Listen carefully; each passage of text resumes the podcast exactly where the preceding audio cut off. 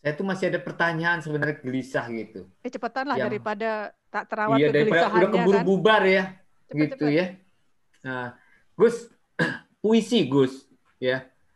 Eh, kenapa sih puisi itu bagi Gusan itu begitu luar biasa dan sudah dimulai dari SMP? Ya, kalau Ini boleh pertanyaan jujur. terakhir deh buat saya. Ya. Kalau boleh jujur tentu saja karena pengaruh dari kecil sudah diperkenalkan dengan ayat-ayat suci Hmm. yang rasanya kok puitis banget ini. Ya. Oh, siapa sih yang nulis ini? Siapa yang bikin?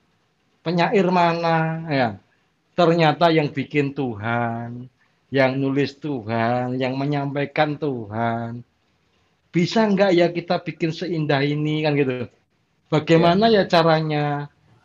Oh, ada nabi yang juga kata-katanya indah, ya kata-katanya terpilih dan lain sebagainya. Oh, bisa nggak ya yang selain nabi gitu? Oh, ada ternyata yang kekasih-kekasihnya gitu ya. Oh, ada ada Rumi, ada oh banyak nama-nama yang oh bisa ya. Bisa nggak ya kalau bukan kekasihnya, bukan wali? Oh, ternyata oh, itu perjalanan itu, Mas. Yang kemudian Hmm. mempertemukan saya dengan guru-guru besar. Ini tadi mungkin yang tidak ditanyakan oleh teman-teman akan saya jawab sendiri walaupun nggak ada pertanyaannya. Apa tuh? Apa yang pertama kali Chandra Malik lakukan sebelum masuk ke dunia sastra? Yang SMP itu belum saya sebut sebagai masuk ya. Yang SMP belum. Iya. Karena belum ada karya yang terpublikasikan. Ya. Apa yang Chandra Malik lakukan sebelum masuk ke dunia sastra? Yang saya lakukan adalah ketok pintu dan kelonwun kepada para juru kunci sastra Indonesia. Saya sowani satu persatu yang saya tahu, saya kenal, saya ingat. Mas Hamzat Rangkuti, Mas Willy, Mas Sapardi Djoko Jamono, Mas Gunawan Muhammad, Mas Remi Siladu, Mas uh, Mas Agus Nur, Mas Butet, uh, Mas siapa pun yang saya tahu, saya sewani satu persatu. Ya.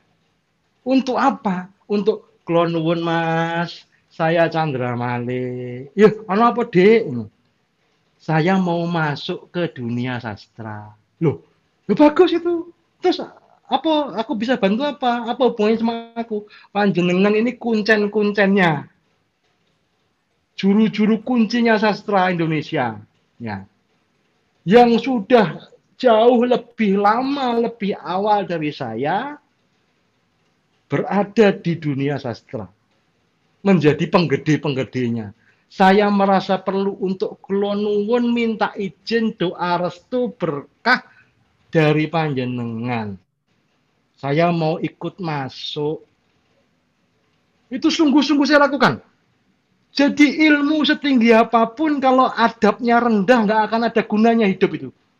Nggak berkah sampean. Adab, akhlak itu di atas segala-galanya. Nah, jadi saya sowan dulu ke Pak Sapardi di, dulu di ruangannya di UI dulu ya. Ke oh, banyak lah, hampir semua nama Mas Danarto. Ya. Saya datangi satu persatu. Untuk cuma butuh kulonuwun. Loh ternyata dalam rangka apa, kelegaan. Gus? Hah? Dalam rangka Dalam kulon rangka, waktu itu Gus Chan dalam rangka apa? Waktu Dalam waktu rangka- usia berapa atau Usia 20-an 2 23 mungkin ya. Belum nulis, belum ada tulisan yang yang terpublish. oh, baru meniatkan diri akan memasuki dunia sastra. Jadi ini ada ritualnya mas. Ya, saya ini ini bagi saya ibadah. Ini keindahan ini.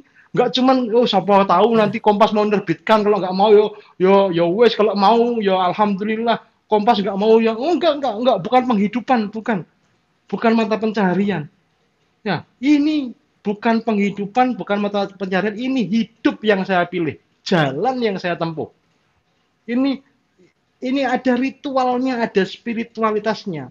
Maka saya bahkan harus bersopan santun terhadap dunia yang saya pilih itu sendiri. Lalu ketika uh, Gus Chan sowan itu mereka nggak kaget atau maksudnya? Yo kaget mbak, kok kaget kok ada manusia kayak gitu. Lah iya. Ya. Tapi itu kalau dibilang uh, ditarik mundur lagi dari tradisi Nahdiyin, tradisi NU, ya memang kita punya tradisi silaturahim. Ya, hmm. memang iya. Kita memperlakukan beliau-beliau sebagai kiai-kiai kita. Disowani. Bagi yang memiliki tradisi itu ya sesuatu yang tidak asing sesungguhnya, gitu. Bagi yang bukan dalam tradisi itu mungkin akan asing dan ini nggak pernah-pernahnya begitu, gitu ya. Bagi saya enggak, enggak apa-apa kayak gitu. Memang memang dari dulu udah diajari sowan-sowan gitu. Ya terkaget-kaget pasti. Cuma dalam perjalanannya Cuma sekarang nggak bisa sowan. Nah, siang Mbak Amanda. Dalam perjalanannya apakah kemudian mereka memberikan uh, bantuan atau memberikan Oh enggak. Contoh satu cerita ya, satu cerita ya yang Mas Willy, Mas Rendra. Saya ngalami Mas Rendra sekitar dua mingguan efektif ya. Hampir tiap hari saya ke bengkel itu. Ya. Wah mas, banyak sakit hatinya mas Bobi. Bawa puisi gitu. mas, saya udah nulis mas. Delen kono, taruh aja. Waduh, taruh mana wong?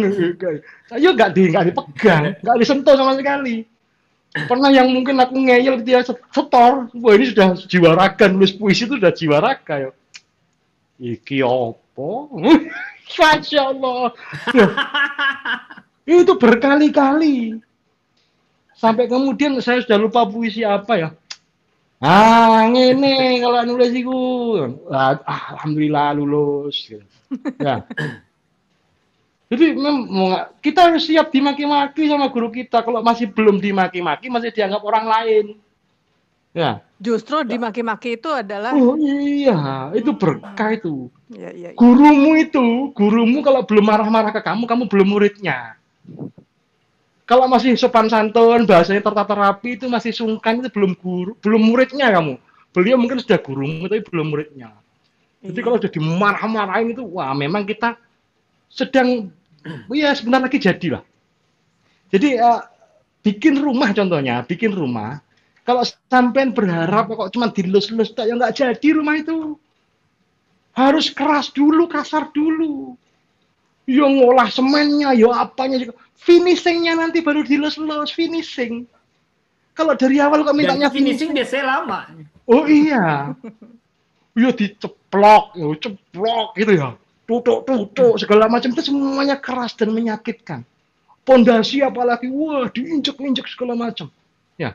Jadi sampean kalau kalau mem- membayangkan meguru berguru kok mintanya disayang dalam artian disayang yang di digendong-gendong ditimang-timang, udah nggak usah berangkat. Ya, Ya, betul, betul. itu Harus di Iya, iya, apa iya. namanya? keras dulu ya. Kalau tempat. ditempa dulu.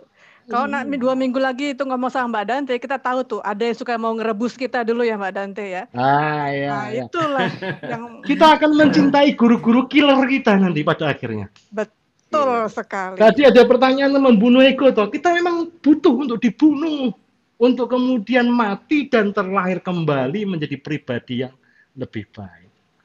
Gitu. Aduh. Iya, betul. Mas Bobi, ini Mbak kalau Amanda, sama Sufi ini eh, apa pembicaraannya kelas berat susah ya. Mm-mm. Aduh. Tapi ada satu hal, Mbak Amanda, yang saya ingin yang ingin saya sampaikan kepada Mbak Amanda dan teman-teman. Saya sendiri suka puisi, ya. Saya suka sejak SMA saya bikin puisi hanya lima baris. Nah, kenapa tadi saya dalami apa yang disampaikan oleh Gus Chan? Eh, meskipun saya bukan seorang penyair dan saya tidak menulis karya-karya sastra, saya menulis biografi. Dengan saya berlatih eh, menulis puisi, itu tuh berlatih menulis kata-kata yang kuat. Kalau istilah Gus Chan tadi, kata-kata yang Ekonomi. tepat, yang paling tepat, ya, eh, kata-kata Hmm. eh, ekonomi, Ekonomi kata dan kata. kata-kata yang tepat.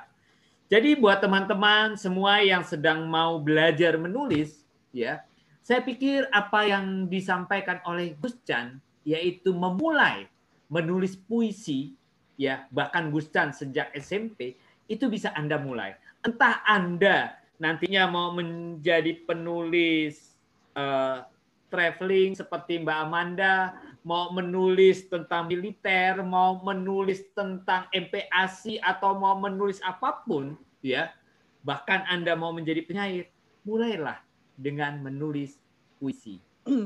Baik, sudah cukup Mbak Amanda. Kita banyak hal yang sudah kita gali dari Gus Chan, tapi prinsipnya sekali lagi satu, mulailah menulis ya. gitu kan. Ya. Kalau nggak mulai nggak akan pernah ada. ya Gus ya. Ya, betul. Jarang betul. pernah nanya melulu ya, nanya melulu, cari tips melulu, kemudian belajar melulu. Kalau nggak mulai menulis nggak akan pernah. Ya, percaya, percayalah bahwa para pemateri kelas menulis tidak pernah ikut kelas menulis. Iya betul juga. Jadi Ratis sama Reza ditunggu tulisannya ya. Kita pengen tahu nih apa hasilnya nanya-nanya sama Gus Chan hari ini.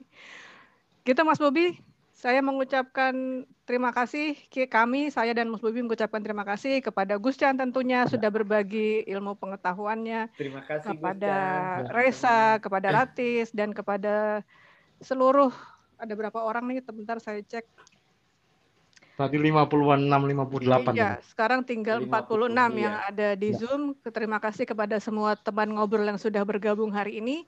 Nantikan ngobrol dua minggu lagi dengan pembicara yang tidak kalah kerennya, dengan ketawa ketawa-ketawa yang juga pasti tidak kalah serunya. Demikian Mas Bobi dan teman-teman sekalian, Gus Chan, Reza, ya. uh, Ratis, Amit mundur. Makasih semuanya. Selamat sore. Selamat sore.